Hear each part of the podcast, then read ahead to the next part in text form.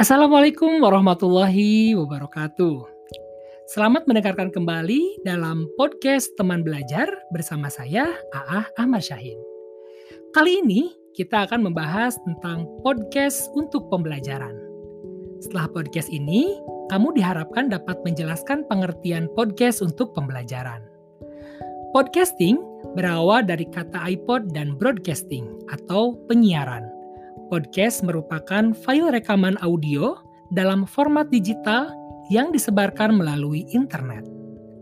Podcasting menjadikan berkas audio menjadi online, dapat diputar dan diunduh untuk didengar secara nyaman.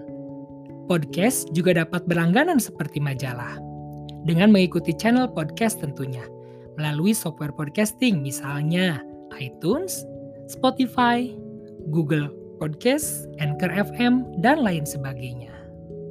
Demikian pembahasan secara singkat tentang podcast untuk pembelajaran.